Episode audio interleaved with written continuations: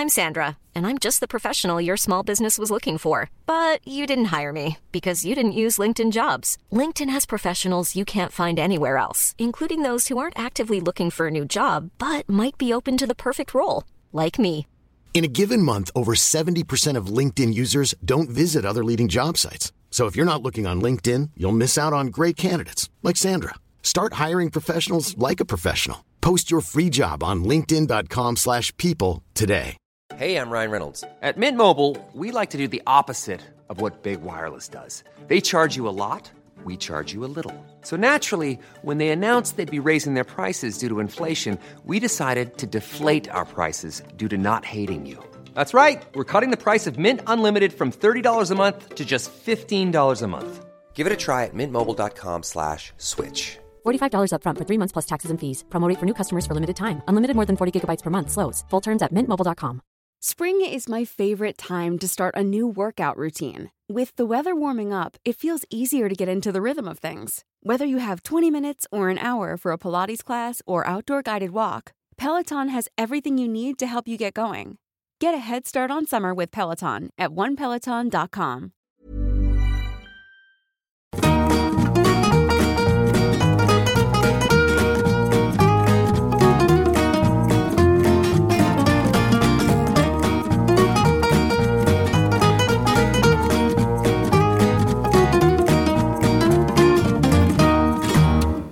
och välkommen till Kulturråden! Hallå hallå! Hej Soraya Hashim! Hej Cecilia Sahaid Gustafsson. Trevligt att ha dig här. Kul att se dig. Ja, du kanske tänker, varför presenterar vi inte den tredje? För vi har vikarie idag! En surprise, en crème de la crème. Marsipanrosen på tårtan. Nej men det är skådespelaren David Fugamachi Regnfors. Da-da-da-da. Jag är ju extra glad. För att jag eh, tipsade ju eh, nämligen om en, din produktion, eller det som du har varit med om förra gången. Ja! Arv.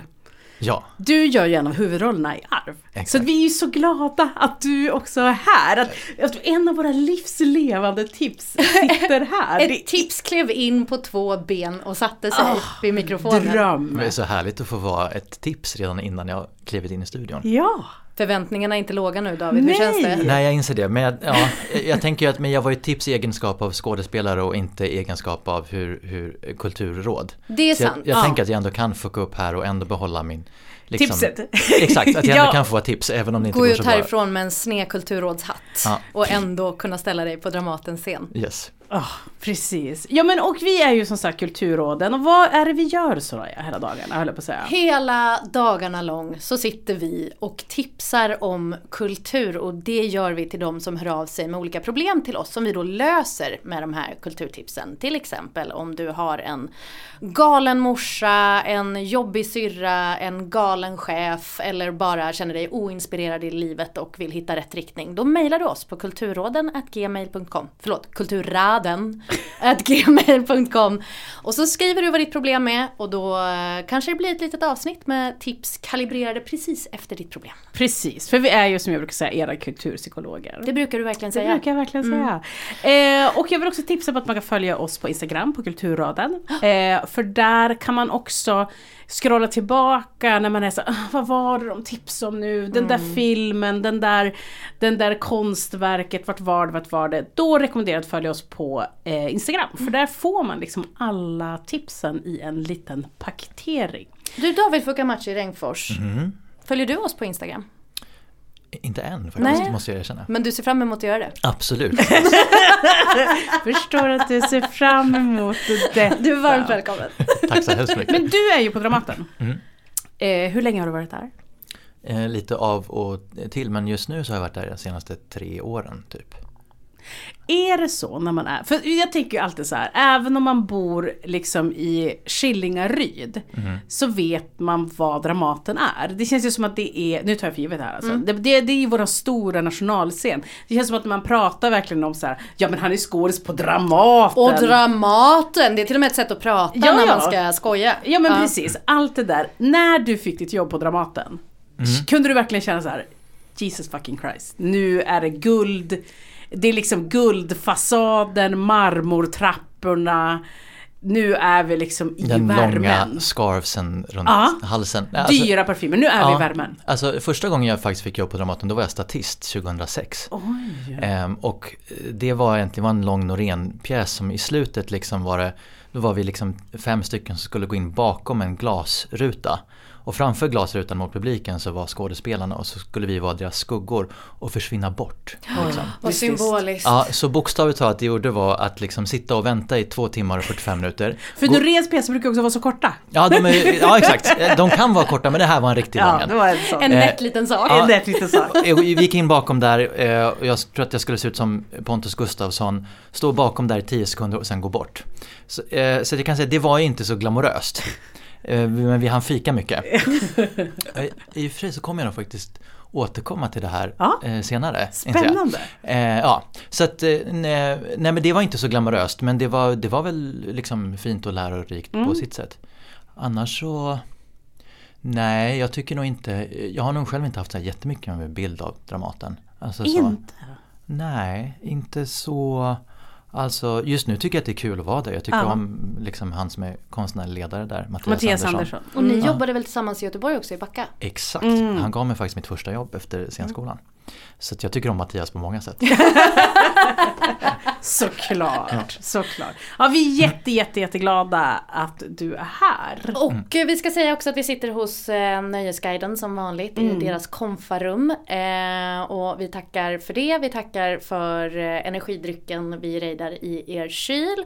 Och så säger vi också stort grattis till eh, David som blivit nominerad till eh, Nöjesguiden-priset, Stockholmspriset för just arv. Ja. Ni blev nominerade till Årets scen va? Yes, så sant? så roligt. Ja, jätte, gud, vad jätte, jättekul. Jag är väldigt glad över det. Eh, Och allas vägnar. Jag Så. tänker att ni kommer ta hem det. Eller nu jinxar jag, men jag tänker att ni kommer göra det. Jag vet inte vilka ni står emot, jag har inte koll. Men... Eh, eh, nej, det, eh, nu ska vi se. Det, eh, bögen är lös och eh, om det är Shima Niavaranis Mm. monolog kanske. Så vi är de enda som inte är en monolog, har jag Mm. för mig. Så om man röstar efter hur många som är på scen, då vinner vi. Då vinner Då ni, vinner för ni. är jättemånga. Ja, vi är jättemånga. Och om man röstar efter längd på pjäs. Då vinner vi också. Ja. För det är åtta goda. Ja, åtta Men du, goda timmar. Jag måste också fråga, hur, hur är det? Alltså när man kör en åtta timmars pjäs. Alltså det har varit något helt, det var nog faktiskt något helt galet. Den var ju så lång så att under repetitionsprocessen vi fick ju liksom typ dubbelt så lång tid som vanligt. Men jag menar pjäsen är ju, ja men bokstavligt talat 8 timmar och 20 minuter inklusive pauser. Så att vi hann bara dra igenom hela pjäsen en gång innan premiär. Oj. Ehm, det var liksom lördagen innan premiär, då hann vi göra det en gång. Eh, och vi visste ju typ li- nästan lika lite som publiken om vad som skulle hända. Så sen under spelperioden har det ju varit att så här för i början var det så varje gång det var paus så sprang man ut och bara Vilken scen kommer nu? Är det du och jag? Okej vad ska vi säga? Alltså det, det var känslan. Även om vi hade repat jättelänge för att det var ett så stort material. Men, eh, nej, men alltså det, var, det var något av det finaste jag gjort faktiskt. Också fått liksom ge kropp och ord till en sån text. Och också den responsen som var från publiken. Jag tänker ju att du verkligen, eller du och dina, dina skådespelarkollegor i Arv, att ni också har skrivit in er i teaterhistorien. Det är Det helt... låter ju väldigt fett om vi gjort det. Ja men det skulle jag nog säga att, att ni har gjort med tanke på eh, omfattningen av det här verket och liksom att den verkligen har gått för utsålda hus. Det finns ju några av de där liksom, eh, jag som, som jobbar i samma bransch som du. Det finns ju liksom några av de där storverken som liksom har skrivit in sig i teaterhistorien och det skulle jag nog säga arv kommer bli. Det är jag helt övertygad om. Det, tar ju också, det är ju liksom som värsta rockkonserten också för att varje gång ni har släppt biljetter det tar slut och det tar slut fort. Ja, vi köpte, eller de, Dramaten släppte ju biljetter till nästa höst och det, det, de tog ju slut på, Mm. jag vet inte, hemsidan kraschade och så tog det slut på någon timme. Det är vansinne, vilken pjäs gör det? Vilken Ja, det pjäs också kraschar att- en hemsida och, Och tar också slut att på det är en en timme? pjäs som är åtta timmar lång. Ja. Man tänker ju att det är liksom, ja, sådär. Men nej. Det är ju det, så varje gång jag pratar om arv så får jag alltid DM när folk säger såhär Nej varför finns det inga biljetter? Och så är folk förkrossade. Eh, men det sägs, ryktas att eh, Dramaten försöker släppa eh, fler. Ja, det, det finns ju en spelperiod planerad till nästa höst. Mm. Eh, De biljetterna är slut. Sen vet jag att teatern jobbar på att hitta möjligheter liksom senare den hösten. Eh, Jag tror inte det är någonting som jag kan prata om Mm. Nej. utöver det. Utöver att det, det jobbas på. Det jobbas på. Så att håll utkik helt enkelt. Jag har en sista fråga Mar, förlåt. Jag bara tycker att det här Nej, arv är så spännande. alltså. För att dels att jag blev så berörd. Men, men också att, eh, för det var, det var en sån enorm upplevelse. Men också att jag blir så nyfiken på allt det där runt omkring. Hur, hur känns det efter? Alltså när arv var slut och ni inte visste om det skulle komma tillbaka. Vissa går väl, alltså jag tänker vissa reagerar med att man blir jättedeppig och andra känner bara någon slags nostalgiskt skimmer över det som var. Jag var så otroligt trött efteråt. Ja.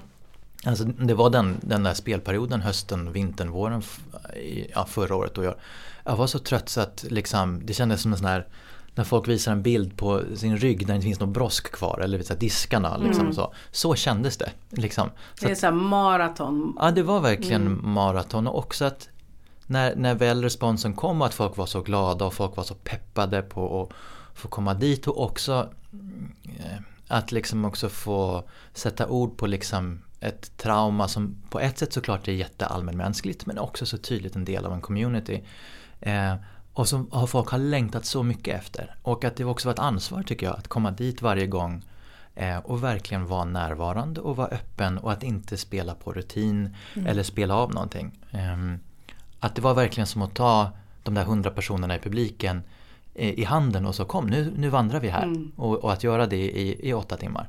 Så att jag var liksom så otroligt trött. Alltså jättenöjd och glad men så trött. Så att jag var väldigt Ja, nu kommer det ju liksom, det är inte 100% liksom klart om just jag kommer återvända liksom till det här eh, nästa höst. Men om det blir så, så, så kommer det vara jättekul men jag är också glad att ha fått en paus från det. Ja. för att det ska ju sägas också att den spelas ju, när vi säger åtta timmar, att, att den på vardagar delas den ju upp. Så då spelas den eh, fyra gånger fyra ungefär va? Ja, kan man säga. Och sen om man såg den på helg, som jag gjorde, då såg man liksom allting i ett sjok. Och det var, som, ett- det var fint det här som du säger med att ta, varann, ta en publiken i handen. För det gjorde ni verkligen för att jag gick och såg den ensam. Och, och jag går ofta på teater ensam och vissa kan tycka det är liksom jobbigt. Ja, jag älskar att gå på teater. Jag älskar också också det? det. Men just i den här föreställningen så hade jag, kände jag efter första delen att så här, man vill prata med någon. Alltså för den är ju bitvis eh, tung fast också väldigt mycket kärlek och väldigt mycket känslor i den. Men det som är så fint är att alla vi som är i det här rummet som tas in och ut ur det här rummet eh, i de här pauserna vi blir ju till slut en grupp. Så att man liksom börjar ju verkligen prata med varandra i pauserna. Var det så att du började prata med någon? Verkligen, att man satt så här tillsammans och någon hade med sig sin lilla matsäck, jag bland annat. Så där, man satt där och åt någonting för att man bara, "Ah, nu är det lång tid, så vi ska sitta här och så. Och det var otroligt fint, så det, det lyckas ni otroligt bra med. Ja, men det är så glad att höra det för det var ju liksom Carl-Johan Karlsson som är regissör. Det var ju liksom hela hans eh, regitanke att det som Alltså konstverket eller föreställningen är inte bara det som är på scenen utan det är verkligen att skapa den där communityt eller den lilla familjen eller gruppen eller så i publiken. Att det som pjäsen delvis handlar om, den här längtan efter det, the chosen family eller vad det nu är för något, eller tillhörighet eller liksom så. Att det ska ske. Och det vet man ju inte. Alltså texten kan man i alla fall se vad det är. Men det som kommer ske i publiken, det är ju så mycket och som handlade också om att det fanns ju, man kunde, ja att det var typ var det, efter varje timme ungefär så var det liksom lite paus och man kunde ta en kaffe och Ja, att allt det där var ju, man försöker så små frön för att precis det där Ja. ska hända det som du Och det gör liksom- det. Det gör det, det hände mig också. Jag hade en man bakom mig som, vi var några stycken så man delas upp i olika sektioner som man sitter och eh, vi var några stycken som alltid satt på samma plats varje gång vi kom in. Och då blev det som att till slut så fick man lite connection och så var det en man bakom mig som, vi började snacka mer och mer och mer och så, jag började känna väldigt varmt för honom. Och sen några dagar senare så visade det sig att han bor jättenära mig. Så han var ute och gick med hunden och jag såg honom. Och så var det som att jag tänkte så här. Nej jag skulle inte bara, jag skulle sprungit fram och sagt hej och så vände jag mig om och tänkte att jag skulle gå tillbaka och säga hej till honom. Men eh, då hade jag missat honom. Men jag har sett honom några gånger till och nu är det för sent för han kommer inte minnas mig. Men, men varje gång jag ser honom så blir jag sådär varm och bara mm, vi har delat någonting i världen du och jag. Det är ganska mysigt. Gud vad fint. Ja, vad härligt, Vil- vilken kärleksbomb jag Ja, såklart. Men hörni. Men nu räcker det då. Men nu räcker det. Nu fan får det vara Yes, slut nu det. För nu är det psykologhatten på. Japp. älskar hatten. Ja, jag med. eh, så nu kör vi eh, veckans fråga helt enkelt.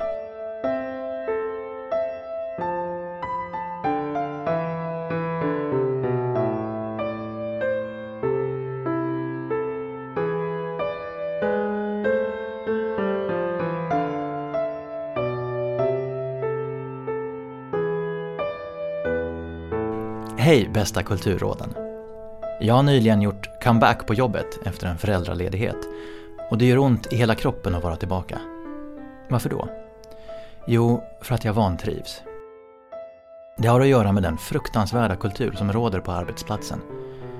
För stunden försöker jag bearbeta det faktum att vår avdelningschef, trots att det redan gått två veckor sedan jag började jobba igen, fortfarande inte välkomnat mig tillbaka. Eller ställt frågan hur jag haft det på sistone. Eller en ännu viktigare fråga kanske, hur jag känner över att vara tillbaka. Jag tolkar det som att det är någon slags utfrysningsspel som pågår. Jag vet att jag behöver rycka mig själv i kragen och byta jobb. Jag letar. Men det jag undrar är hur man ska hantera vuxna, välutbildade, privilegierade människor som bara är allmänt otrevliga, alltså min avdelningschef.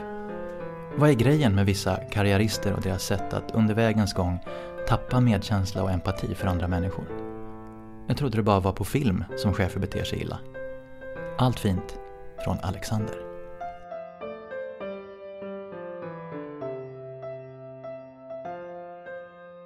Hej Alexander! Jag är här för att berätta för dig att dåliga chefer, de finns på riktigt. Och de finns överallt. jag känner ändå att jag är glad att du inte stött på dem tidigare. Ehm, det säger mig att du kanske liksom haft det ganska bra fram till nu. Tror jag. Men eh, de finns. Och nu vet även du det. Det är få saker som får mitt blod att koka lika mycket som otrevliga människor. Folk som inte hälsar, folk som inte tackar, de som har taskig ton, folk som är tykna, folk som tar ut sina känslor på andra och folk som får konstanta utbrott på jobbet. Kategorin har ni mött på jobb? Eh, Kollegor eller chefer? förvånansvärt lite utbrott. Är det sant? Ja men det skulle jag faktiskt säga och då jobbar jag ändå i kulturbranschen. Jag skulle ju säga, Ja. jag tänkte att båda ni måste ju möta hur mycket sånt här som helst, eller? Jag tror att hade, jag vet inte, jag tror att jag också är, jag har jobbat för kort. Alltså hade man frågat någon som kom ut liksom på, jag vet inte, 90-talet och sådär. Ja. Då var det nog bara utbrott och heroin överallt. Just det. Nu är det liksom eh, nolltolerans alkoholpolicy Ja. eh, och eh, Någon slags post-metoo-era? Ja, och, eller? alltså, så, det vill jag säga. Jag tycker det är jä- jättebra så här, liksom på Dramaten det står så här, vi hälsar på varandra Ja. i korridoren. Det, det säger sig också någonting om en arbetsplats när man behöver ha det som ett policydokument. På Dramaten Samma här. hälsar vi på varandra. Är Samma det så här. på Ja. Riksteatern också? Ja. Att vi liksom haft dåligt bemötande i, i folk. Och det är också tror jag för att det är folk som kommer in och ut. Ja. Vi jobbar väldigt mycket med alltså, som pjäskontrakt, folk som bara kommer in i huset ett kort period och sen försvinner och sådär. Och då är det viktigt att ha den där bemötandegången. Men just jag tror att jag inte har bemött den, speciellt inte på mitt nya jobb, därför att jag är chef. Så tyvärr så skulle jag säga att det är, om det dy- dyks på så skulle jag säga att det är mer mina anställda som kanske får råka ut för det dåliga humöret. Eller så är det du som är det dåliga humöret. Jag, så du inte ser det hos någon annan. Jag ska ändå säga att jag håller väldigt högt i att det lägger jag på min partner. Ja, nej men det är bra. Det är ansvarsfullt och det Ja. uppskattar vi. Eh, apropå det här med hej, jag jobbade på en arbetsplats en gång där det gick ut ett mail, ett så här alla mail, där det stod jag skulle verkligen uppskatta om vi kunde säga hej till varandra i korridorerna. Reaktionen var att alla bara Hej hej! till den personen och blev supermobbiga mot den personen och så här hånhejade. För att det var så töntigt att han ville att Nej, man skulle säga hej. Nej, det är jättedeppigt ju. Jag skrattade innan men det var inte alls kul. Nej men jag har haft stämningar på arbetsplatser. I can Verkligen. tell you. Ungefär 97% av oss människor kan spelreglerna för hur vi ska bete oss gentemot varandra för att det ska fungera i samhället och på arbetsplatsen. Men när vissa tar sig rätten att ställa sig över de här reglerna så är det som att det går en propp i min hjärna. Jag tappar det. Alltså jag blir så förbannad att det, det är inte klokt vad arg jag blir. Min kompis Pauline, hon har en devis som jag älskar. Och det handlar inte om orden hon säger utan hur hon säger dem. Hon spänner ögonen i en och sen så pekar hon med hela handen. Och så säger hon med magstöd och full artikulation. Man beter sig! Det är en uppsträckning Ja, som gillar det. heter duga. Och jag älskar den för alla skärper sig. Ja. För just, man vet spegel, spelreglerna för hur man beter sig. 97% vet. Jag tar höjd här för att det kanske finns typ 3% som aldrig har träffat en annan människa eller av olika skäl inte vet. Förr så brukade jag ta sånt här beteende genom att sitta tyst och bara ta det. Bara ta emot det. Och jag kan berätta att det ledde ingen vart. Det slutade alltid med att jag kände mig nedtryckt i skorna. Jag hade liksom konstant ont i magen och märkte att jag började bli en tystare, mindre person. För att inte åka på andra människors känsloexplosioner. Och det var som att jag ville inte skapa jobbig stämning genom att säga ifrån. Fast det ju egentligen är den andra personen som har skapat den dåliga stämningen genom att ha till exempel en explosion eller så här, ja, hålla på på det där jävla sättet. Och till slut blev jag helt styrd av dem. Det var som att jag tappade min egen kompass. För allting jag sa och gjorde förhöll sig till de här människorna på arbetsplatsen. För man får liksom inte glömma hur stort jobbet faktiskt är. Eller liksom hur stor del av livet jobbet är. Man kan ju förhålla sig på olika sätt. Men oftast är det åtta timmar om dagen med den där känslan som bara går och tär på en och nöter ner en. Min brytpunkt kom när jag till slut tappade det på riktigt. Och det var inte vackert. Jag vill var-. Det var en urreaktion som bara tog över mig. Det Och den var- kom bland folk? den kom eh, mano a mano. Okej, okej. Det var en person som skrek på mig för hundrade gången. Och jag förlorade kontrollen. Ehm, Det var som att någonting annat bara tog över min kropp. Jag vände mig om på en blixtsekund. Tryckte upp mig i den här personens ansikte och höll upp ett finger mot hens ögon och sen väste jag fram. Om du någonsin höjer rösten mot mig igen så kommer jag... Och sen kom det ett hot. Den där personen höjde aldrig rösten igen. Inte mot mig i alla fall. Jag tycker inte det är ett skitbra sätt att hantera situationen. Men skönt, det är väl förlösande? Nej men hur många gånger high-fivade jag mig själv på vägen ut därifrån? Alltså jag var så stolt över mig själv. nu. Det var så skönt. Men jag skulle ha hanterat det här mycket tidigare. Jag skulle inte Mm. låtit det gå så långt som jag gjorde. Och Alexander, det här gäller dig också. Du behöver också hantera den här situationen innan den spårar. Sådana här människor måste konfronteras direkt, inte efter man har tappat det.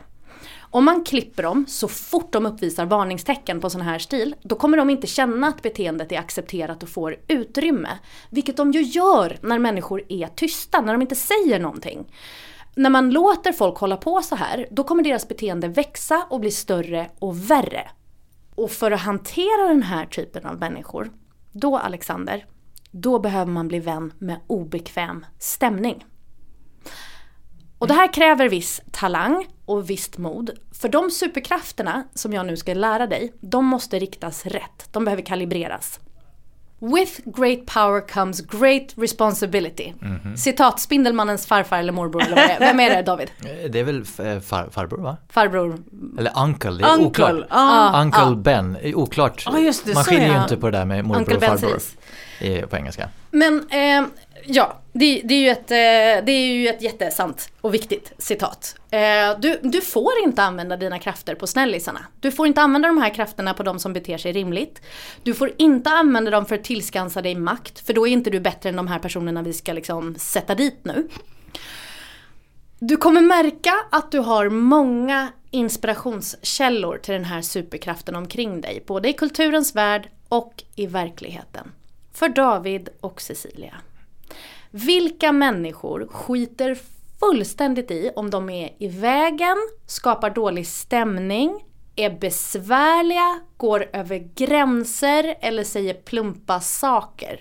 Jag letar efter ålder och kön här. Jag skulle säga barn, men, men, men, men, men nej. Uppåt i ålder. Ja, men jag tänker ju eh, att det är gamla människor. Mm. Jag stöter ju på en, en del gamla människor i mitt jobb Mm. ibland. Eh, eh, de kan ibland inte vara de trevligaste. Mm-hmm. Jag har på riktigt haft eh, folk som kommer fram till mig när jag så håller presentationer om mitt jobb och vår repertoar och sådär. Då kan det komma fram en gammal människa och verkligen såhär Jag förstår inte vad du säger. Exakt! Du pratar så slarvigt. Exakt! Ja, men det, det är faktiskt sant, jag tänker på ofta att så här, ungdomspublik får mycket skit liksom, på teater men det finns ingen som, alltså en så här, liksom 70 plus publik som in, ingen stänger av sina mobiler och när de ringer så svarar Ja. de i dem, det pratas högt. Och det är ju inte Det den kom- låga volymen. Nej, jag hör inte! Nej men också Alltså, deras totala oförmåga att viska. Ja, Men jag tänker, det kanske, det handlar väl inte enbart om att kanske hörseln har avtagit Nej. lite utan det är också bara I don't give a fuck. Nej, Exakt. jag bryr mig inte. Det är liksom, Alltså det jag är inne på, inte alla, men en hel... Inte alla. Inte alla. Jag måste gardera But a här. lot of them. Men jag tänker också, för, för att jag har stött på just den, den, det könet och den åldern. Ja. Eh, och eh, apropå så här, den här eh, äldre kulturtanten sätter japp. man på. Och, och jag kan också, eh, jag har liksom lärt mig också att älska henne. Mm. Just därför att det är någonstans hennes tur nu. Ja. Alltså du vet, hon Det tycker är inte hon morsa. också. Hon är inte morsa längre. Och är hon det, she couldn't care less. Hon kritiserar sina barn ut. Det här, det kommer inte bli några barnbarn alltså. Du vet, alltså, du vet, Det exakt. är plump, du har gått upp i vikt. Alltså du vet, det finns liksom ingenting de inte kan säga.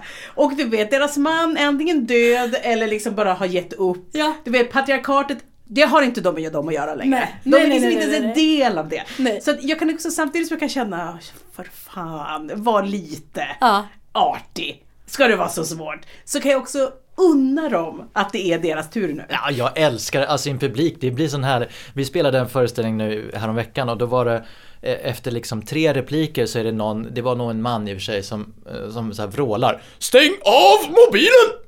Och man bara? Och det var ju underbart, hela rummet var ju osäkert efter det. Vad som Alla helst kan bara, hända. det börjar rafsa Ja, liksom. nej, men det, var, det, var, det var, väl någon stackare som hade suttit med sin mobil framför denna eh, äldre herre. Men jag tycker det är härligt också. Mm. Alltså det är ju kul med någon som vrålar liksom, jag hör inte eller så här, det är lite tråkigt. Det är ju som att spela för barn. Alltså, så, det får man få samma, han är bakom gardinen. Det, är samma, men det är också, jag, jag älskar det. Absolut. Så att, ja, ja, ja. Ja men det är liksom, igen, inte alla Skicka verkligen inte mail till oss om detta.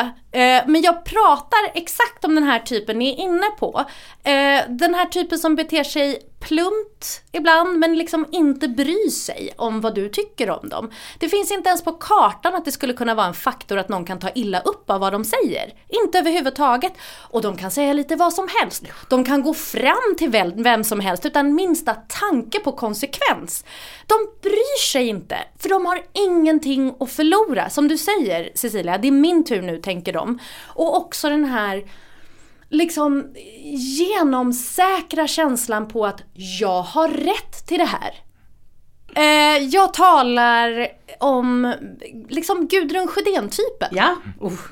Oh, ja. Såg ni den här dokumentären på SVT, Persona non grata om eh, Nej. Gudrun Sjödén? Nej, nej, men jag har ju läst, eh, jag har ju läst om Gudrun Sjödén. Mm. Nej men hon älskar att bara prata Hon kör på. rakt ut. Ja, Rasist eller inte, I don't care. nej, vi kör. För jag, här tycker jag saker. Ja. Och det är en kategori av människa som aldrig har ställt sig de här frågorna. Behöver det här sägas? Behöver det sägas just nu? Behöver det sägas av mig? Det är liksom, det är inte en checklista som är med innan munnen öppnas. Och det kan man tycka en massa saker om, men, men jag pratar om att Alexander behöver dra inspiration från det här beteendet för att gå in och blocka de här andra människorna på jobbet som har en jäkla massa känslouttryck. Eh, men Gudrun Sjödén-dokumentären, den är en bra plats att börja för det är ett ganska perfekt exempel. Och jag talar inte om att Alexander ska vara sån här hela tiden utan bara när det krävs och bara mot människor som förtjänar det. För det är ett sånt effektivt sätt att dra ner brallan på folk. Ta de här kvinnornas no fucks to give attityd, blanda upp med ett stänk av deras passiva aggressivitet och klampa rakt in till avdelningschefen och säg någonting i stil med Jo tack, det känns faktiskt ganska bra att vara tillbaka på jobbet efter åtta månaders föräldraledighet. Tack för att du frågar! Håll kvar blicken, var tyst och låt chefen hantera den jobbiga stämningen som blir. Så som så många av oss andra har fått hantera folks eftersläp till stämning. Jag sa ju det här att jag brukade sitta tyst förr. Och av ren strategi så gör jag fortfarande det ibland när någon beter sig på det här sättet. Men då och då så låter jag min inre 60 plus kvinna kliva fram och trycka till någon för att tidigt markera att den där stilen du håller på med, den funkar inte här. Jag ser dig. Och ibland funkar det bättre att dra ner brallorna på sådana här personer genom att vara extra charmig och ha lite humor. Alltså driva lite med dem, då tappar de också fattningen. Och en person som har många kvinna 60 plus egenskaper men samtidigt framstår som älskvärd och kul. Det är skådespelaren Lily Tomlin. Oh! Vänta nu, vem är det? Du ska få se en bild. Älskar henne. Jag säger inte att hon alltid spelar sig själv. Men 94,3% av karaktärerna som hon spelar och hon själv är exakt den här kvinnan jag pratar om. Ja, men jag tänker också att hon är, hon blir också, tänker jag, castad för att hon är Lily Tomlin. Mm. Eller hur? Jag tänker att det finns vissa som blir bara cast, de kan alltid spela sig själv för de blir mm. liksom bara castad som det. Ja men exakt. Eh, och, och man kan ju kolla detta på intervjuer med henne också, det finns en hel del på YouTube. Men hon har ju också det här att hon är charmig, rapp, man vill höra vad hon har att säga, men hon är också lite giftig. Hon har en edge och jag vill inte hamna i tjafs med henne på jobbet. Alltså för hon är en sån som ser igenom folk. Delar av den här stilen visar hon upp i serien Grace och Frankie. Det finns sju säsonger på Netflix. Där spelar hon och Jane Fonda makorna till två snubbar som på ålderns höst blir ihop med varandra. Och jag kommer inte gå in på den nu. Men Alexander, där har du väldigt mycket Lily Tomlin att studera. Och naturligtvis då Kronjuvelen. En film som eh, väldigt mycket spelar in i det här ämnet är ju såklart 9 to 5 från 1980. Mm. Den finns på Disney+. Eh, 87,3% av de som lyssnar nu har redan sett den och vet precis vad jag menar. Men för er andra. Kortfattat så handlar 9 to 5 om tre kollegor som spelas av Lily Tomlin, Jane Fonda och Dolly Parton. Den perfekta trion. De har den vidrigaste av chefer som man kan tänka sig och en dag får de nog. Och i den här filmen så visar Lily Tomlin att 60 plus kvinna, det är inte en ålder, det är en inställning, det är en livsstil. Hon var 41 när hon spelade in den här. I filmen så är hon snäll mot dem man ska vara snäll mot och hon balanserar sin bitskhet och mjukhet på ett perfekt sätt. Överlag finns det väldigt många exempel på hur man ska hantera olika typer av personer på jobbet i den här filmen. Men huvuddelen handlar ju om relationen till chefen. Jag antar att ni har sett den här? Jag har faktiskt inte det. Vet du om en sak? Jag tror faktiskt inte att jag heller har sett, jag har sett väldigt mycket klipp ifrån den och jag menar 9 to 5, ja. klassiker ja, liksom och så. Och jag har ju sett hur de ser ut. Men jag tror fan aldrig att jag har Nej. sett hela filmen. Vi är nog om de där, vad är det, 17,2 procenten? Ja, ja men exakt, matematikprofessorn mm. räknar fel. Mm. Men gud vad spännande. Ja. Okej, ja ja. ja. Men så här. Eh, Lily Tomlin har jobbat jättelänge på det här företaget. Man fattar inte överhuvudtaget vad det här företaget gör. Det är liksom kanske köpsälj, kanske kontorsprylar, ingen aning. Men det är kontor, det är långa rader av kvinnor som sitter på skrivmaskin. Alla är vrålsnygga. Um, och eh, precis, det börjar med att Jane Fonda ska börja jobba på det här stället och Lily Tomlin är hon som ska visa henne genom kontoret och hur allting fungerar. Och um, hon har jättemycket erfarenhet. Hon är till och med den som har tränat upp chefen. Men han har fått eh, promotion över henne. Han är den som har blivit chefen. Han har all makt och han är ett svin. Och i början av filmen så drämmer hon inte till den här chefen särskilt hårt när han beter sig dåligt. För om några veckor så ska han bestämma vem som ska få en befordran på jobbet. Så hon håller sig på mattan. Men hon säger ändå ifrån och hon synliggör när han går över gränser. Bara att han då skiter i det och sen har han då också en sekreterare som spelas av Dolly Parton. Och alla på jobbet är säkra på att sekreteraren ligger med chefen. Eh, för- Såklart. Blond, stora bröst. Ja, Det är liksom... och chefen har också typ sagt det. Ah. Alltså chefen gillar att folk tror att han får ligga med henne för att hon är så snygg. Tidigt i filmen så visar det sig också att chefen har snott en av Lily Tomlins idéer och presenterat den som sin egen för chefens chef. Då ser man att hon är på väg att tappa det. Och sen kommer det när han befordrar en man med fem år mindre erfarenhet än henne. Då till slut knäpper det till i huvudet på henne. Eh, och det gör det även hos sekreteraren när hon får veta då att alla på kontoret tror att de ligger och att han ligger bakom ryktet. Då gör hon exakt som jag gjorde den där gången när jag liksom gick in i ansiktet. Då gör hon på den här chefen, hon går in i ansiktet, lutar sig över honom med sitt finger och så säger hon Look, I got a gun out there in my purse. And up to now, I've been forgiven and forgetting because of the way I was brought up. But I tell you one thing if you ever say another word about me or make another indecent proposal, I'm gonna get that gun of mine and I'm gonna change you from a rooster to a hen with one shot. Don't think I can't do it. Ni som har sett filmen vet att den går mycket längre än vad man borde göra eh, med sin chef, för det är olagligt. Men... Brasklapp. Obs! Don't try this at home. Men det finns mycket inspiration att hämta i 9 to 5 ändå. Jag fattar om du är rädd för att få skäll. Att den du sätter dig emot ska skälla tillbaka. En stor del av mig är också rädd för att få skäll från vuxna. Men även här kan du ta hjälp av Lily Tomlin. För nästan 20 år sedan så läckte det ett klipp från inspelningen av filmen I Heart Huckabees som Lily Tomlin var med i. Och klippet visar när regissören David O. Russell skäller ut Lily efter noter och kallar henne för bitch och cunt. Och ni ska få se det här klippet. Va?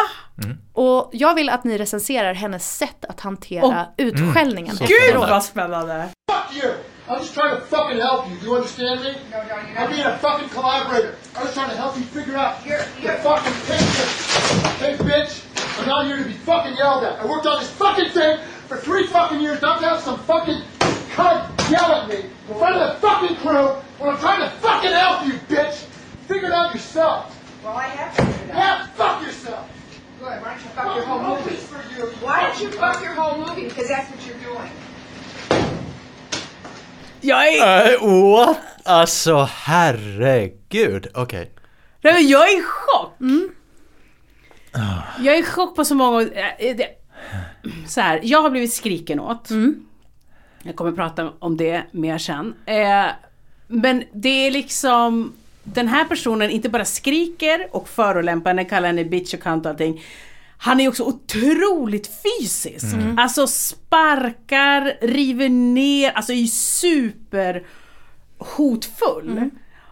Och hon liksom backar inte. Nej. Hon Det är- ställer sig upp. Ja, hon ställer sig upp, hon sätter sig ner och är så okej, då kör vi då om det ska vara så. Men hon fucking backar inte. Nej. Nej. Oj gud, jag får, så här, jag får en sån här panikkänsla. Jag tyckte det var något otroligt härligt. Alltså över... Nej men det är ju som att se, jag vet inte, en, en våg eller alltså en tsunami på något sätt och någon som bara står där och liksom eh, så. Sen tycker jag, jag har aldrig varit, alltså om man nu pratar om den här typen av utbrott, jag har aldrig professionellt sett varit ens i närheten av sånt där. Alltså den där typen, inte bara verbalt utan även fysiskt våld som är liksom, nej det var helt bortom alltså. Eh, Men det, det tänker jag, alltså Alexander, sannolikheten att någon kommer skälla på dig så här är ju väldigt liten. Men lär dig det här klippet utan till Och ha den i bakfickan om någonting händer. Och då kan du liksom bara härma hur Lily Tomlin gör. För hon behåller sin cool och jag, hon kommer ju absolut vinnande ur den här situationen. Ja, ja, Gud, alltså det, ja. ja. ja, alltså han, hans status sjunker ju bara för varje grej. Ja. Och när, när han liksom, man hör honom springa runt hela liksom inspelningsplatsen. Nej, nej, nej, nej, nej, I'm not yelling. Samtidigt som han liksom sparkar upp dörren från sidan. Och bara, man bara, det, det här är så mycket, ja. Det är också hur störd han blir att hon säger ifrån, för han säger det in front of everyone. Ja, Alltså eller hur? hon har ju dragit ner byxorna på honom och han bara fortsätter springa runt med dem neddragna. Ja, eller Det är hur? så intressant. Visst är det? Ja. Och, och jag tänker det Alexander, alltså så här, studera Lily Tomlin, eh, även Gudrun Sjödén men också de här kvinnorna som du säkert också har i din direkta närhet anteckna hur de beter sig. Du ska vara lite så här David Attenborough, så som han gör när han sitter uppkrupen i en djungel och studerar ovanliga djurarter. Typ så här, jaha, nu sa hon så där och då blev den personen jättekränkt men hon verkar inte märka någonting alls. Hon går bara vidare som ingenting. Fascinerande! Alltså lite sådär ska du göra. Och sen så sparar du de här grejerna och plockar fram nästa gång din avdelningschef säger eller gör någonting. Då hugger du som en tantkobra och bara marinera i den här här obekväma stämningen som blir. För den kan du hantera när du har studerat de här kvinnorna jag pratar om. De blinkar inte ens av att någon känner sig förolämpad eller kränkt. De bara ångar på som att ingenting har hänt. För att i deras värld har det antagligen inte heller hänt någonting. Och sen kommer du se att din chef kanske inte vågar göra likadant nästa gång. För nu har någon satt en gräns och sagt som min vän Pauline. Man beter sig!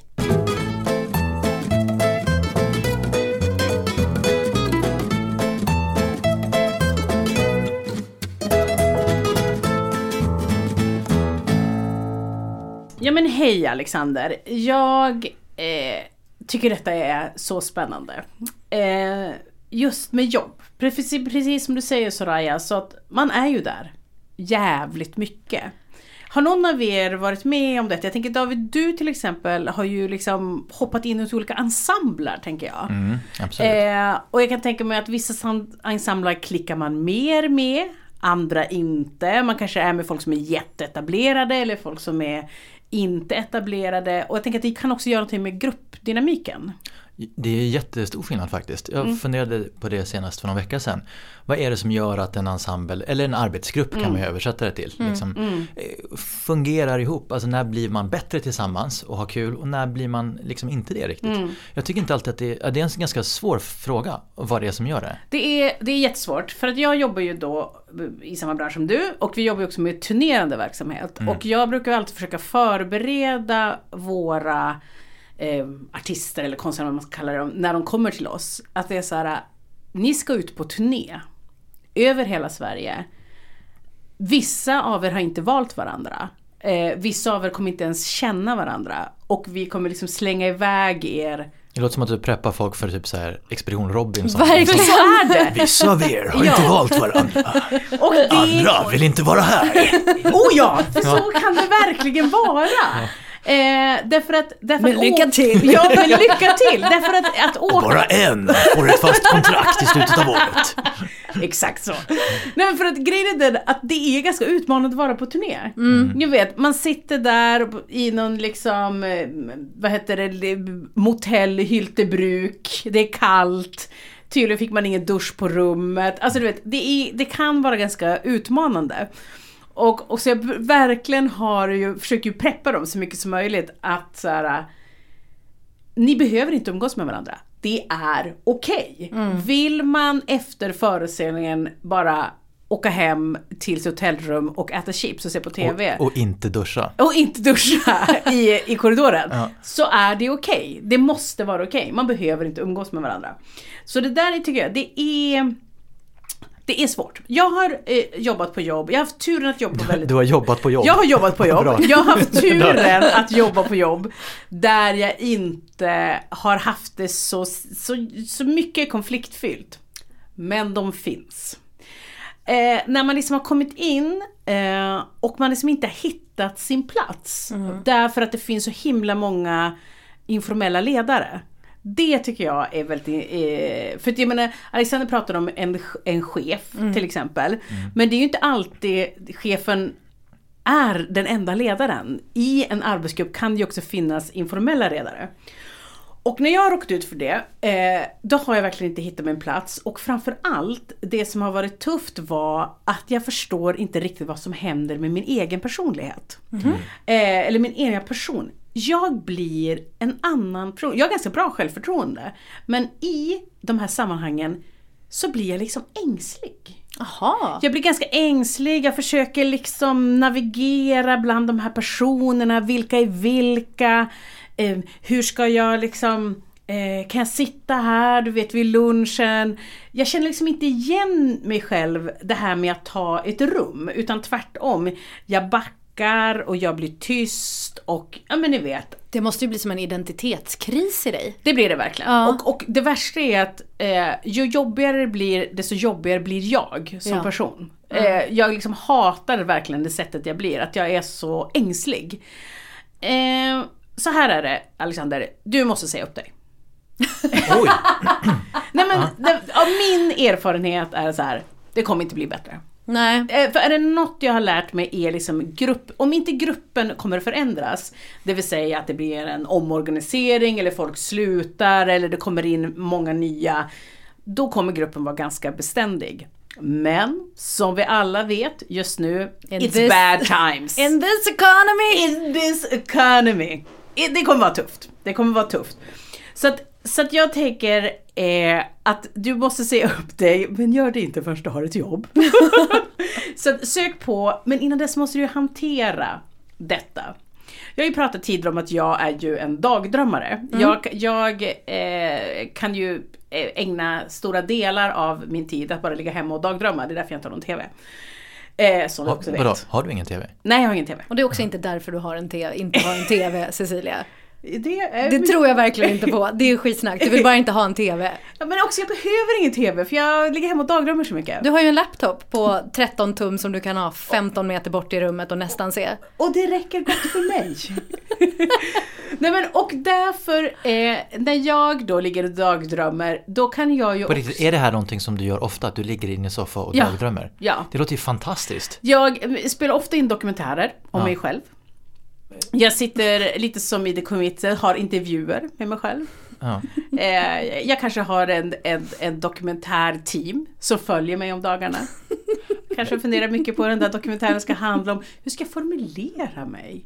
Vem är jag? Ja men ni vet. Det är en sådär. sån tunn, tunn gräns mellan så här, Nej men det är en sån tunn gräns mellan typ typ manic pixie dream girl beteende och inspärrad. Ja, Alltså, absolut. det- absolut. Den tunna, den tunna rosa linjen. Ja men, ja men så är det verkligen. Och, och, och jag ligger, och det, så det pågår mycket. Och då, Alexander, ska du leka en lek.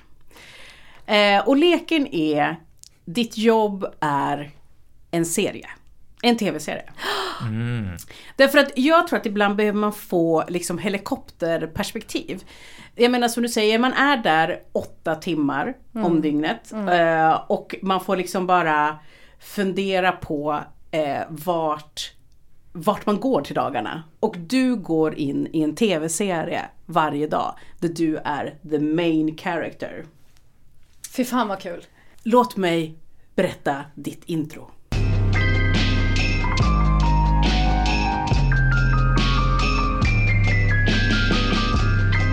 Detta är ju såklart intromusiken till Succession. Jävligt! Och då tänker du, vänta nu, Succession, jag har sett den, vad är det jag ska veta om den? Nej, nej, nej. Nej men Succession, lik dig, som du pratade om Soraya, nej men det är dålig stämning. det är så dålig stämning. Ja.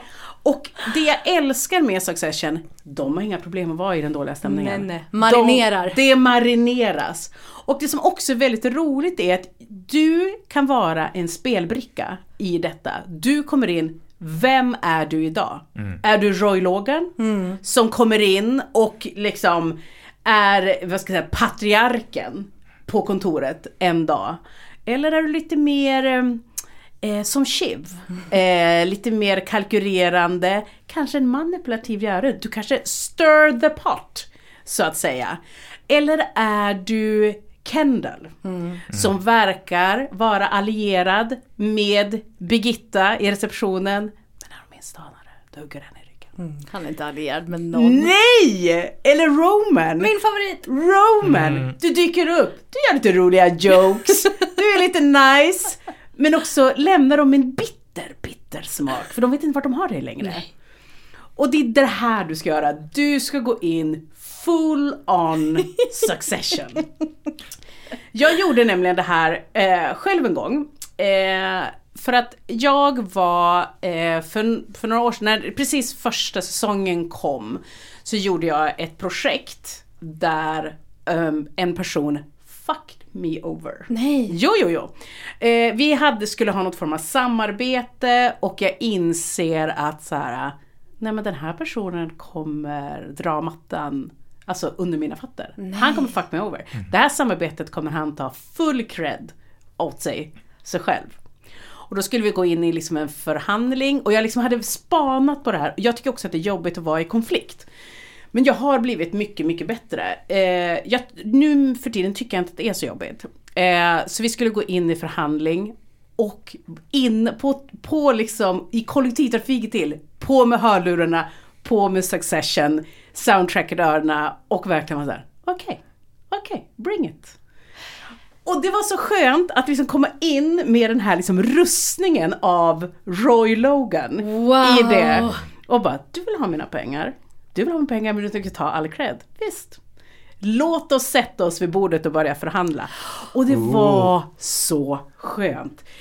Jag jobbade också då, precis som nu, väldigt mycket med tystnaden. Utan jag var så här, jag la fram mitt case och eh, och också mm, när den här personen pratade om sitt case så var jag också så här, mm, jag ser att vi är lite bortraderade här i det här samarbetet, hur tänker du då? Du vet, och bara vara där inne, stir the pot, stir the pot. Och var verkligen tydlig med så här, kommer vi inte synas, då blir det inga pengar. Och det var så skönt. skönt. Det var så skönt, det var så skönt att få liksom gå in med eh, den där liksom hårda personan, vara också isprinsessan, var lite tjuv, Ja. charmig, trevlig. Det kanske var en liten urringning Ja. i blusen när jag kom dit. Kan du hjälpa det? Det, det kan jag inte hjälpa. Nej, det var Du de vet, kläderna som låg framme. det var de kläder. Jag kommer in i lokalen, är lite chitty-chatty med de Ja. olika som är där, mysig stämning, underbart, tack för senast, bla bla bla. Och sen går in och sätter sig i mötesrummet med kniven. Alexander, du vet, det- detta är något du måste testa. Det kan vara i lunchrummet, det kan vara en liten, liten grej, men det handlar om, precis som du säger, klä av dem nakna Ja. och låt dem lida. Om jag är chef? Ja det är jag. Se, men då tänker du så här Alexander, nej, nej, men jag är inte den här personen. Jag är inte den här hårda, jag är inte den här kalkylerade. Jag mår piss. Mm. Då är inte Synd, säger du! Nej men då är inte Succession för dig. Nej. Det, gör, det är det inte, det, det ska jag säga. Men då ska vi gå åt ett helt annat håll. Ah. Visst. Alexander, du och jag ska ut i naturen. Jag tycker det, vad händer nu? Jo, men så här, let's go for a walk. Ja, det är verkligen let's go for a walk. Nej men för så här är det. Eh, när jag mår dåligt, eh, då inser jag att jag måste göra saker som inte är sammankopplat med mitt jobb. Om det är mycket på mitt jobb. Det vill säga vara ute och äta med vänner, vara ute, träffa folk, sitta på middagar, sitta i barer. Bara liksom inte vara i den här miljön. För att påminna mig själv att, precis som du säger, mitt liv är inte bara hemma och mitt jobb. Nej. Det finns någonting annat. Men nu, precis som du Alexander, har jag varit i en liten kris. Och min kris består av min längtan till naturen. Va? Jag vet! Hur?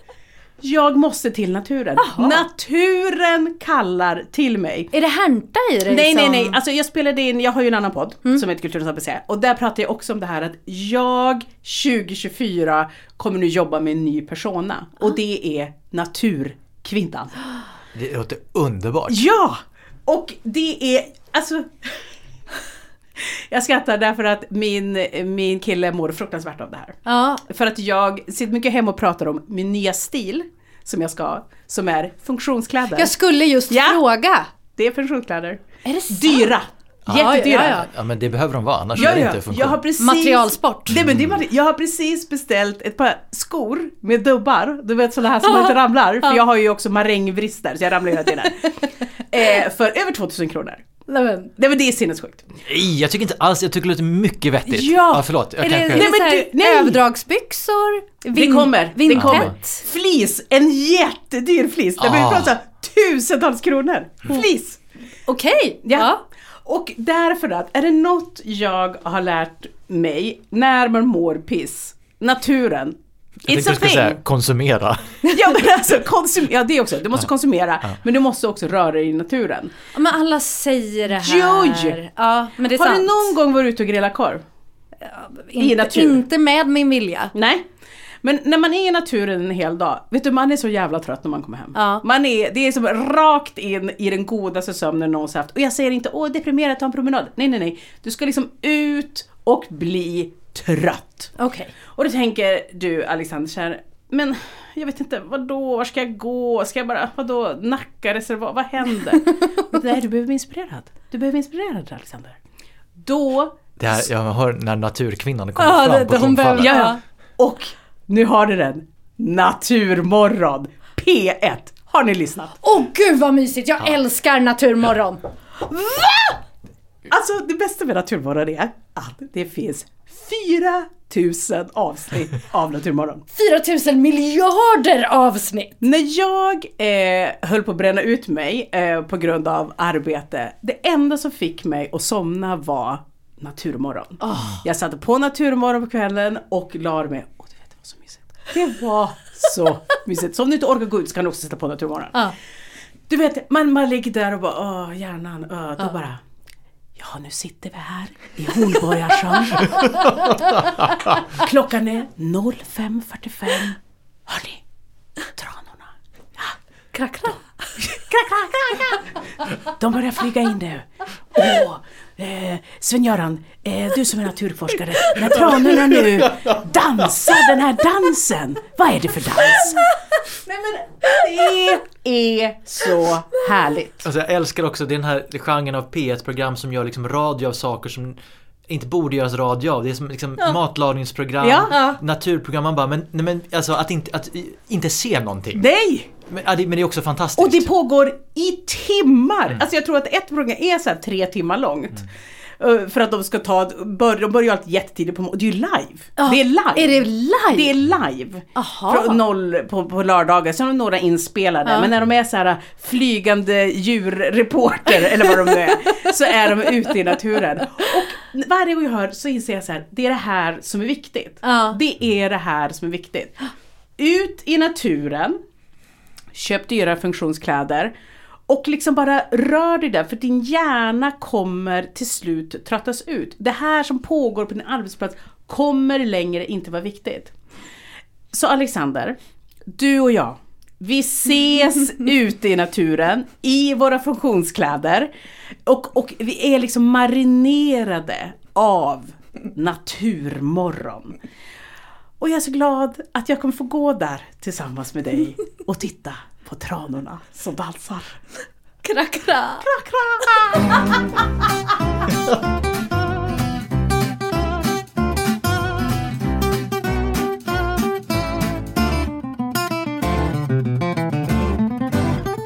Hej Alexander. Okej, jag började med att försöka härma Horace Engdahl, men, men eh, jag ska inte göra det. Men, nej men hej Alexander. Eh, bara för att och, och försöka recappa din fråga här nu, som om du satt i rummet. Så är det alltså så att du, har, du vantrivs på ditt jobb, din chef har inte hälsat dig välkommen tillbaka, frågat hur du har haft det på din föräldraledighet, eller ännu viktigare, hur du känner över att vara tillbaka. Och utifrån det så gör du tolkningen att någon form av utfrysningsspel pågår. Ehm, det här tycker jag, alltså det här sätter igång jättemycket känslor i mig. Spännande. Jag tänker att du låter, du låter lite hård, lite vass. Ja, det känns som att det kommer komma en ton. Ja, ja, alltså, vi, jag, är ju, vi, vi hatar ju inte ton. Vi hatar Nej, alltså, inte ton i jag det här kommer vara programmet. bad cop. Så. Eh, Min, min första impuls när jag läste ditt brev, Alexander, det var den här, den här memen med Batman som örfilar Robin. Ja. Att, sk- skärp dig. Så. Ehm, och så försökte jag någonstans reda lite i alla dessa känslor som dök upp i mig. Som ju såklart är mina att reda i, inte dina, eh, Alexander. Eh, men, men, ehm, och jag försökte liksom sätta ord på det du sätter ord på vad det väcker i mig. Ehm, men nu ska vi se här, alltså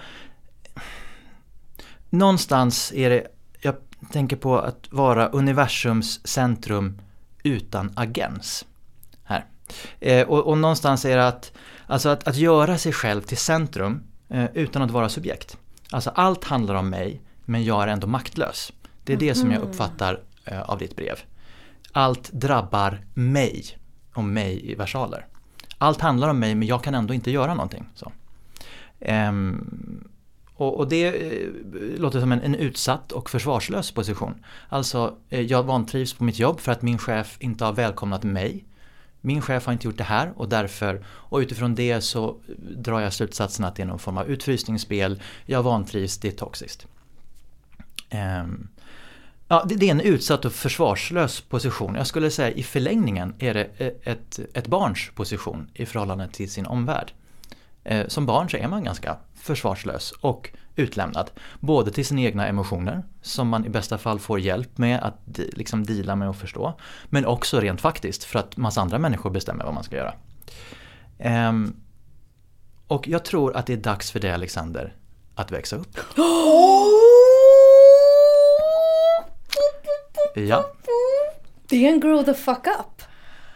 Grow the fuck up, alltså så här. Jag, jag, kom, jag är bad cop men jag försöker, jag ser mig mer som någon form av så här ancient, liksom lite racist Chinese master i någon kung fu film. Okay. Som, det, liksom, som serverar hårda sanningar men ändå med, med en, en vilja om utveckling. Mm. Liksom så. Mm. Eh, men jag tror att det handlar om att växa upp. Um, och eh, jag säger det här också utifrån en igenkänning. Mm. Så. Jag försöker sätta mig i, i samma båt här nu. Um, själv har jag gått från att vara liksom en eh, hyfsat långvarig singel massa år till att nu befinna mig i en relation. Och eh, därigenom också fått en liten bonusperson på köpet som är fyra och ett halvt år. Och sen liksom ett halvår tillbaka så håller han och jag på att lära känna varandra. Och jag känner mig ju extremt mycket som ett barn i relation till honom. Jag blir Alltså det är så mycket feelings. Jag blir arg och jag blir sur och jag blir, så, försöker liksom hålla i det. Men det är verkligen, jag känner att eh, han, han, han utmanar mig eh, på ett sätt som vuxenvärlden oftast inte gör. Mm. Att jag känner också, jag behöver växa upp. För att jag också, jag vill ju inte, jag menar, som vux, om jag vill vara den vuxen som jag vill vara i relation till honom då, eh, så behöver jag växa upp.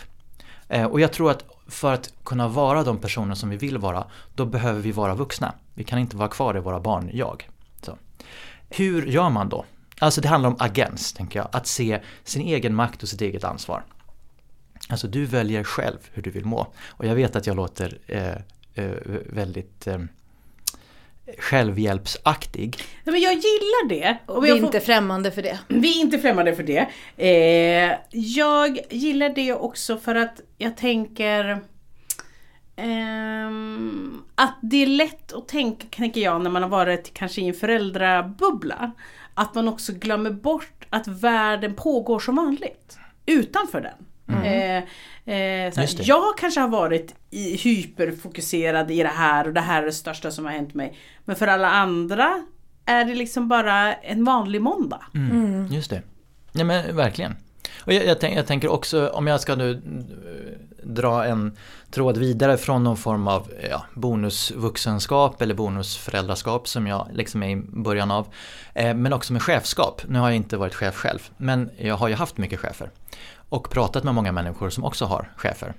Att jag, jag tror att det finns en, eh, att det finns en parallell, parallell mellan hur vi förhåller oss till våra chefer och till våra föräldrar. Och att vi väldigt lätt tilldelar eh, våra chefer attribut som våra föräldrar har eller lägger över behov på våra chefer som vi egentligen kanske skulle få någon annanstans ifrån. Gud vad sant! Det tror jag är jättevanligt, ja. verkligen. Jag, jag, tänker lite på de här, alltså att din chef Alexander inte har hälsat dig välkommen tillbaka. Eh, det, och det håller jag med om, det tycker jag absolut att man ska göra mm. som chef. Alltså så. Det är väl allmän hyfs. Mm. Så. Man beter sig. Man beter sig, det tycker jag absolut. De övriga två frågorna, eh, det vet jag faktiskt inte om, om det är upp till liksom din chef att ge dig just den bekräftelsen. Hur du har haft det på Eh, på din föräldraledighet eller hur just du, och du har också skrivit du med versaler, upplever det att vara tillbaka. I don't know. Alltså här tycker jag att lägga över det behovet på en chef, det är också att bara bädda för sig själv att göra sig besviken. Att titta, titta pappa slash mamma, se mig, mm. fråga hur min dag har varit på dagis. Fråga, och det kommer ingen chef, man kan absolut ha tur, om det nu är tur, att hitta en chef som vill göra det. Men det är inte chefens jobb. Chefens jobb är inte att ta hand om dig. Så. Ja, Om jag får inflika, eh, eftersom jag jobbar som chef, och då, då, ibland kan jag få att folk kan säga så här, men jag signalerade till dig mm. att någonting, någonting. Och brukar jag, så här, jag brukar tänka så här, ja men jag är ingen tankeläsare. Nej. Du måste säga till mig vad jag har för behov. Mm. Hur jobbigt det än kan vara. Att du kanske tycker att jag ska förstå behoven. Mm. Men, Och det där är ju verkligen sån Mm. så här i en relation också. Men du sa inget, nej men jag, jag såg sur ut. Mm. Alltså, You rang! ja, ja men verkligen. Ja. Alltså. Ehm, och jag, och jag, jag tror att eh, att det är en balansgång mellan att så här, absolut ha förväntningar på att både ens kollegor och ens så här, överordnade eller vad man nu säger ska bete sig som vettiga människor. Men de är inte ens föräldrar. De är inte ens nödvändigtvis ens vänner. De är ens kollegor. Mm. Eller ens chefer. Det är truth bombs. Ja. Alltså, och eh, som alltid liksom eh, när jag står inför något nytt, något omvälvande eller funderar på hur ska man göra här? Så ställer jag mig frågan, what would Arnold do? Arnold som är Arnold Schwarzenegger. Och jag vet att, eh, sorry, du har ju pratat om Arnold tidigare. Det har jag. Vad är, liksom, vad är din relation till Arnold? Nej men det är ju, ehm, jag, jag gillar ju Arnold. Jag brinner inte för Arnold som jag vet att du gör. Mm, det är en, Du en lång brinner väga för honom. förälskelse. Ja, det är det. Ja. Du, du har en helt annan nivå. Så jag bollar tillbaka den till. Jag brinner inte för honom. Jag tycker att han är viktig och jag tycker väldigt mycket om honom. Jag tycker han symboliserar någonting väldigt eh, häftigt. Eh, Cecilia, vad är din relation Nej till? men jag har inte, om jag ska vara helt ärlig, en jättestark relation till honom. Visst var det Eh, så att vi var lite så här, Sylvester är mer vår kille? Jag är ju Ja. Sylvesterperson, jag älskar ju Sylvester Stallone. Jag, jag blir nyfiken, varför är man mer en Sylvester-person än en Arnold? Ja, men jag tror att jag eh, tyckte om, bara när jag fick veta att Sylvester faktiskt skrev Rocky Mm. till exempel. Att, att han är faktiskt också för mig en konstnär som aldrig har fått den upprättelsen. Med det sagt så, är jag också väldigt förtjust i Arnolds resa från Mr Universe till, eh, till vad är han, Mayor? Guvernör. Sen, guvernör. Eh, och däremellan haft liksom en filmkarriär där han inte pratade ens så bra engelska i de tidiga Nej, Nej. milt uttryckt. Milt uttryckt. Det var väl därför han bara hade några repliker och såg cool ut i Terminator. Hercules! Ja, Men till exempel. Det är ju det, att jag, jag, för mig är det, för, för någonstans, det finns ju många andra actionhjältar som jag, alltså Bruce Willis brinner jag för ännu Mm. mer än så. Men, men det är ju en parallell mellan Arnold och Sylvester. Och Sylvester tycker jag har ett annat mörker och djup som han låter utforskas på ett sätt som Arnold inte gör. Arnold är så här, nej nej, vadå? Ja, allt var eh, skit. Men vi löste det, nu går vi vidare och så pratar vi bara om succéerna. Vi pratar bara om hur allting är bra.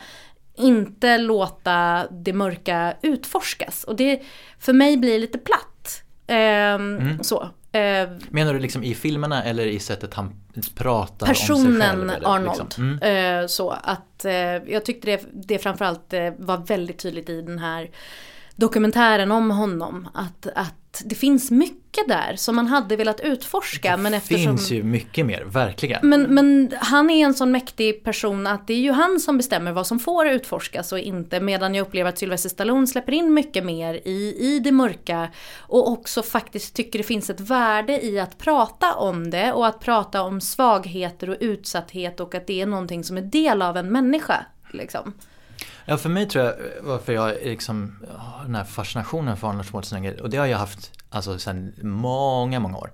Att han är lite som ett, mitt totemdjur. Han är liksom allt det som jag själv inte är. Alltså oavsett om han är det på riktigt eller om det bara är hans persona. Så det han projicerar ut är liksom den här totala bergfasta säkerheten. Liksom, som jag tycker är nästan liksom berusande att ta del av. Alltså det är så här, ah, alltså det, jag tycker det är underbart. Eh, och jag skulle också vilja faktiskt, mitt första tips är hans eh, självbiografi som kom 2012. Eh, som heter Total Recall, My Unbelievably True Life Story. Som också är en, en fantastisk, är en fantastisk titel. Eh, och som, Unbelievably ja, true! det, det, det, det, Jättesant! ja, den är ju faktiskt det är helt det är hur sant som helst det jag skrivit i den här boken. Eh, Och, och, som, och har man läst den så är det ju, har man fått allt det där som är i den eh, Netflix eh, tv-serien. Men jag skulle också säga att han går in lite djupare där faktiskt på okej. saker. Eh, Men, och han har bland annat han pratar om i sina, liksom, om det är six eller eight rules to success i slutet. Eh, så pratar han också om, om föräldrar. Och liksom att göra upp med sina föräldrar. Alltså hans farsa verkade ju vara inte helt lätt om man säger så. Inte onasse. Eh, inte onasse, alltså eh, om man kollar på bilder så har ju farsan liksom lederhosen och Hitlermusche. och var polismästare. Eh, perfekt. Det är liksom, man, man anar eh, liksom, ja, En ton. en, en viss ton. Och att we had to earn our breakfast, Ja, doing nej, sit-ups så- every day. Det är så hemskt. Ehm, men han pratar också då om, um, apropå att eh, någonstans försonas med eh, sin pappa eller den fadersfiguren och vad det gjorde med honom. Att it put a fire in my belly. Alltså så, att det gav honom en eld i magen, en drivkraft. Och det är klart att det här är ett narrativ som han konstruerar för att liksom inte gå under, tänker jag. Så som hans, hans brorsa körde ihjäl sig eller knarkade eller vad något sånt. Men, men, eh, men han kommer i alla fall till liksom en av sina eh, regler, det är alltså Don't blame your parents. Och han säger då Your, your parents did the, did the best they could. And if they left you with problems, those problems are now yours to solve. Och jag tycker att det finns något lite radikalt i det. Alltså och ehm, eh, faktiskt, alltså om man ska på riktigt försöka omfatta det här, alltså don't blame your parents. Det innebär inte som jag tolkar att inte kännas vid den smärtan de har orsakat eller konsekvenserna som finns i en själv. Men någonstans handlar det om att växa upp. Att så här, ja, de liksom, pappa bajsade på mattan, på min matta. Och det är min matta. Och om jag vill ha en matta utan bajs så är det upp till mig att tvätta den. På något sätt. Ehm, jag, jag tycker att det är någonting faktiskt, och som man också kan tillämpa på Eh, chefer. Inte som en ursäkt för dem att bete sig nödvändigtvis illa. Men, men det finns så mycket som jag upplever också i vår tid. Som är någonting, en, som behandlar oss alla lite som barn. Alltså som föräldralösa barn. Som ska, våra behov ska tillfredsställas, alla ska se just mig. Och, och det kommer inte att ske. Alla kommer inte att se mig. Det där tycker jag är så intressant. Jag har ju en fascination, det kommer vi säkert prata mer om i, i den här podden. Jag har ju en fascination för Jordan Peterson. Eh, Oj, spännande. Nu vi kliver liksom ytterligare ett Ja, lager ner. varför många, många män tycker om honom så mycket.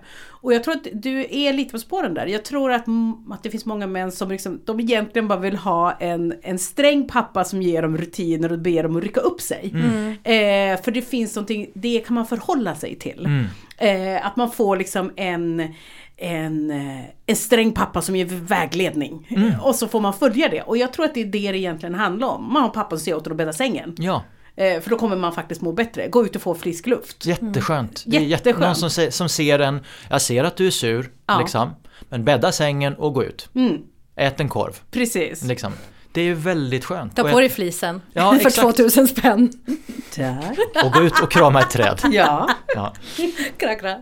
Men det är liksom, jag, jag, jag tror att det, liksom, det finns någonting i det. Kan man släppa eh, Eh, och det handlar om att då deala lite med sina egna föräldrar och kanske också med smärta faktiskt överlag. Jag funderade på liksom Seneca om vi ska gå långt tillbaka, stoicismen alltså. Eller som att livet någonstans som ett lidande och det gäller liksom att hantera eh, det. Och så kan det vara, jag menar det kan ju mycket väl vara så att Alexander, din chef, faktiskt är ett ärkesvin. Liksom så. Och att det är jättedåligt. Ja, då är också, även det är upp till dig att hantera.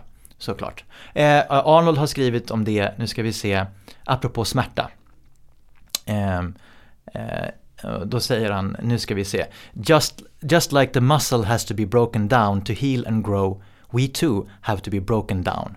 Of course it hurts. If it doesn't hurt, it doesn't count. Muhammad Ali once said that I don't count how many sit-ups I'm doing. I only start counting when it starts hurting, because that's when real work starts, or a real workout starts. And people are the same. If you shy away from pain, you will be weak. Pain is life trying to tell you to grow and evolve. Pain is life. Life is pain. And you can look at it from two sides. Either life sucks because it's just full of pain and misery, or if life is so full of pain, then pain can't be bad. Det är också väldigt intressant. Jag är en person som undviker all form av smärta alltid. Eh, Allt som är jobbigt. Jag hör att uh, hurraropen här uh, uteblev. I Nej men ehm, eh, det låter som en saga straight out of scenskolan.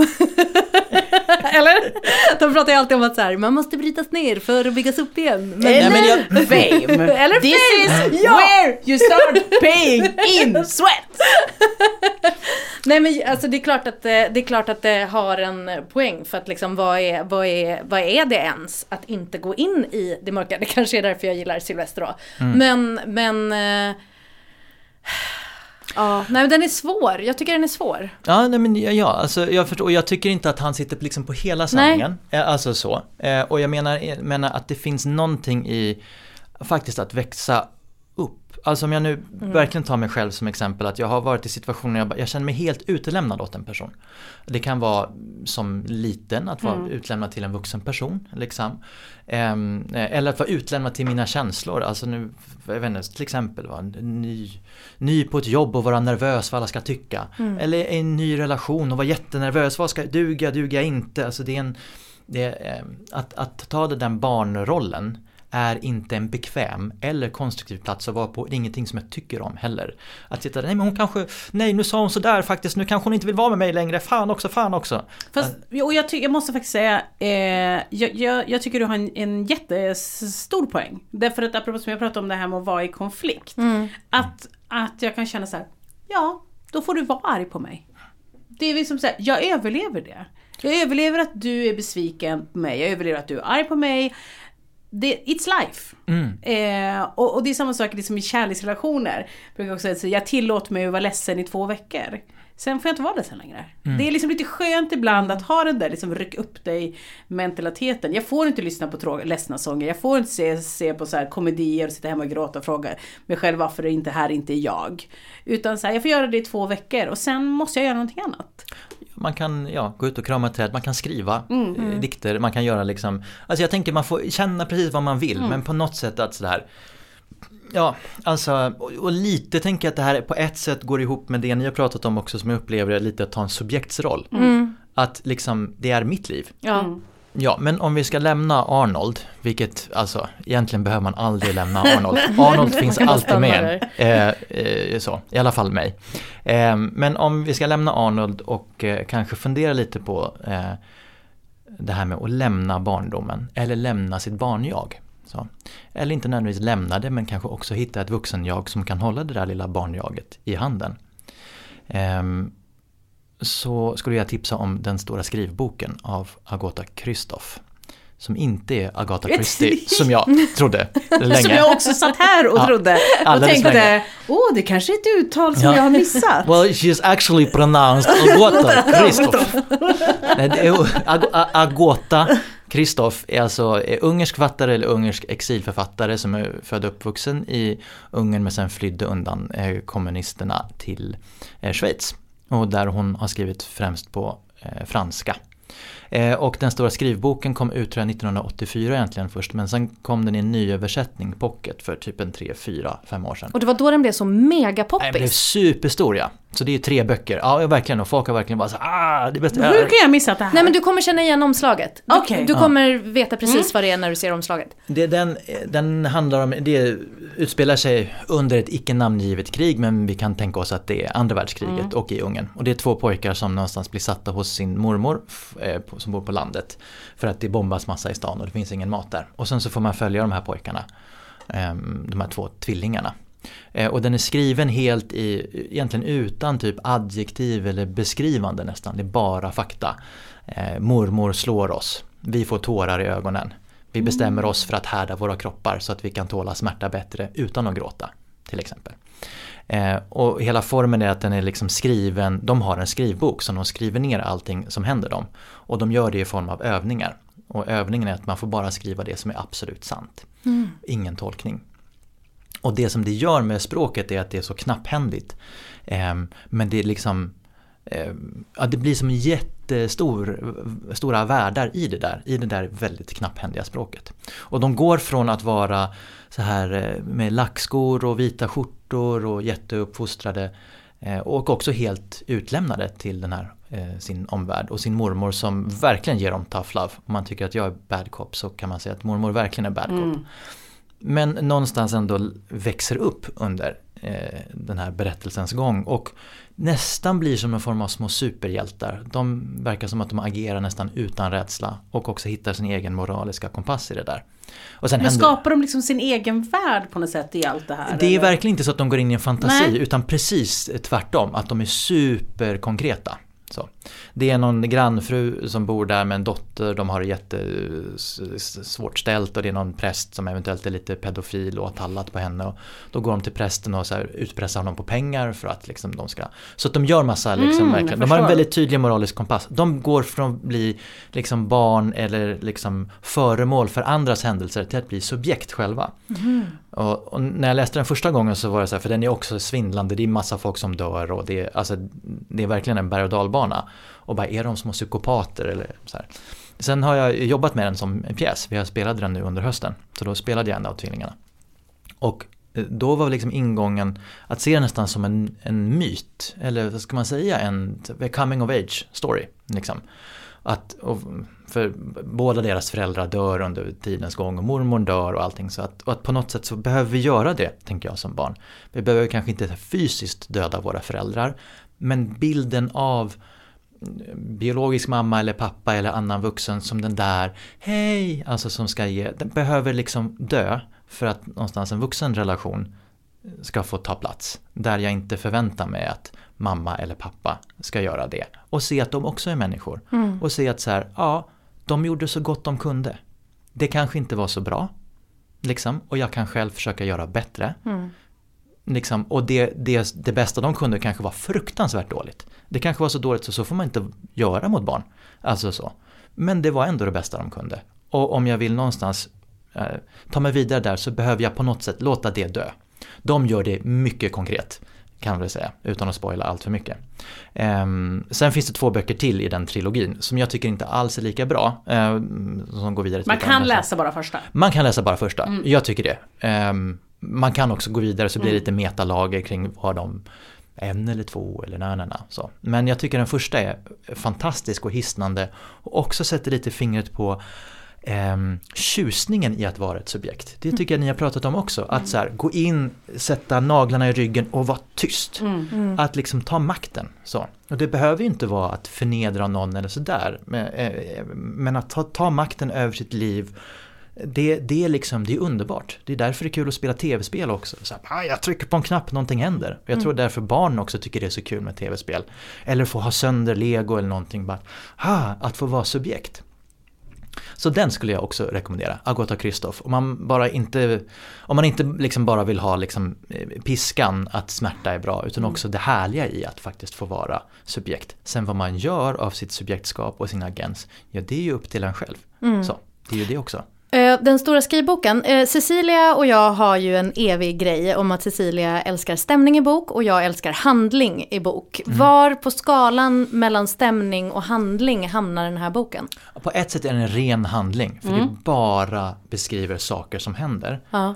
Ehm, Men i den här totala avsaknaden av stämning och eh, liksom broderier så blir det stämning. Alltså det blir så jag vet inte vad ska man, jag har svårt att jämföra den riktigt med någonting annat. Den är en kort bok också, den är på 130 sidor. Jaha. någonting. Den är ju superkort. Alltså med tanke på hur mycket, vad du berättar Ja. så tänker man ja det är goda 350. Den nej, nej, pågår. nej, nej, nej, nej, nej, nej, nej, alltså 130-150 Gud, vad Det- spännande. Så att det är liksom en, allt kan hända på liksom 10 rader. Så, så är det bara, har det hänt? Detta ska in, in i banken. Ja, verkligen. Ehm, så det, och sen tror jag mitt sista tips nu också som sagt var, jag håller på att botanisera lite bland Disney-filmer. Ja, Så, att få se dem. vad har ni med- kommit till? Ja, vi tar det väldigt långsamt. Ja. Det är ganska restriktivt med skärmtiden. Men dels eh, Pocahontas, som jag faktiskt inte hade sett. Nej, det har inte jag heller. Nej, Eh, den är ju otroligt vackert eh, animerad.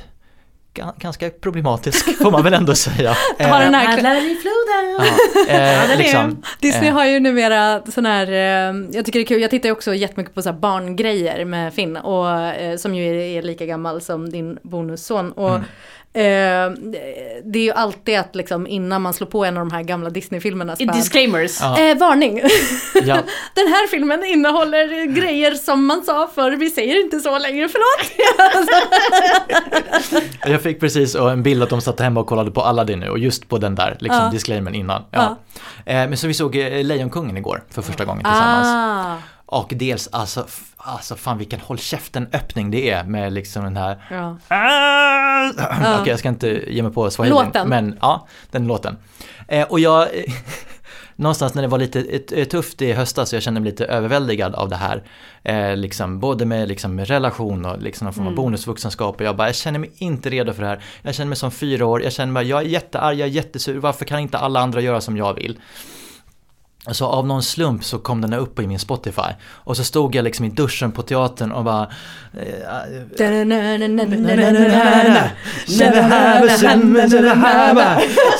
Och det är liksom också bra svensk text. Alltså, när man, nu ska vi se.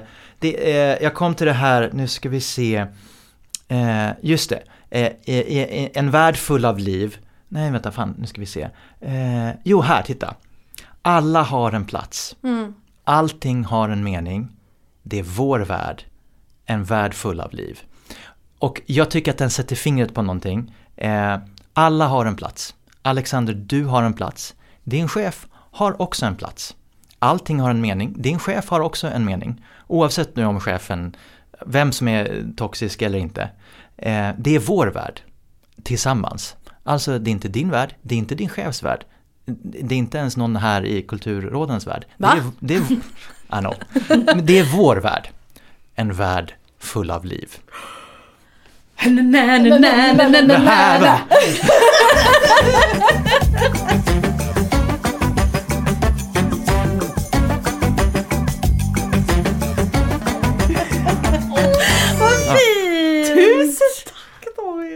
Tack David, tack för att du ville komma och vara kulturråd. Ja, det var fruktansvärt roligt det här. Eh, lite nervöst men också otroligt roligt. Ja, Du du får komma så tillbaka. välkommen tillbaka. Ja, jag kommer väldigt gärna tillbaka. Och eh, alltså Alexander, verkligen, jag, jag vill också understryka, jag önskar dig allt gott.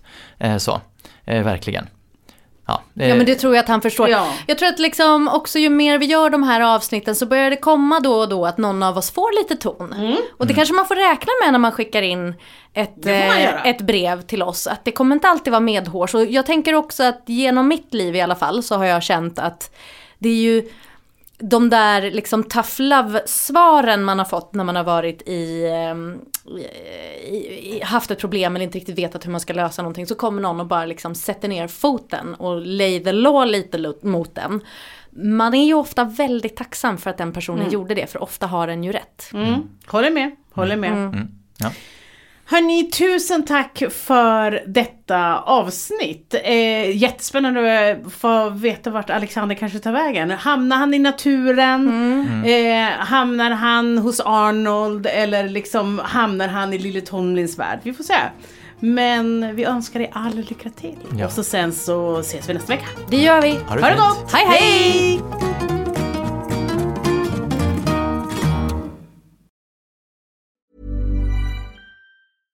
Selling a little or a lot?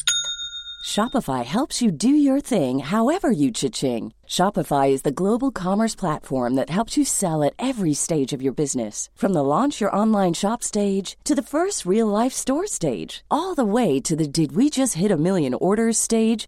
Shopify is there to help you grow. Shopify helps you turn browsers into buyers with the internet's best converting checkout. 36% better on average compared to other leading commerce platforms because businesses that grow grow with Shopify. Get a $1 per month trial period at shopify.com slash work. shopify.com slash work. Hey, it's Paige DeSorbo from Giggly Squad. High quality fashion without the price tag. Say hello to Quince. I'm snagging high-end essentials like cozy cashmere sweaters, sleek leather jackets, fine jewelry, and so much more. With Quince being 50 to 80% less than similar brands. And they partner with factories that prioritize safe, ethical, and responsible manufacturing. I love that. Luxury quality within reach. Go to quince.com slash style to get free shipping and 365 day returns on your next order. Quince.com slash style.